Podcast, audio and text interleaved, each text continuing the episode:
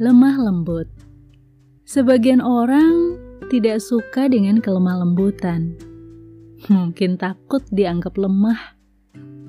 Padahal, kelembutan tidak identik dengan kelemahan. Justru sebenarnya orang yang lemah lembut itu lebih kuat dari orang yang keras. Sebab hanya dengan kelemah lembutanlah yang sanggup untuk melunakkan keras kepalanya seseorang. Lemah lembut itu baik hati, tidak pemarah, melainkan peramah.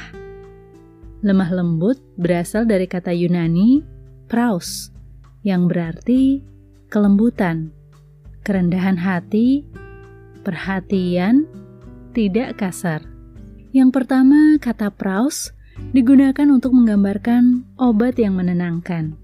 Seorang pasien yang sedang bergulat dengan demam diberikan obat oleh dokter untuk menenangkan atau praus agar dia bisa segera tidur.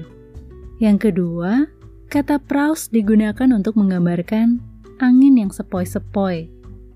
Contohnya, kalau orang habis kepanasan, kemudian kena semilir angin sepoi-sepoi, ia akan terasa segar.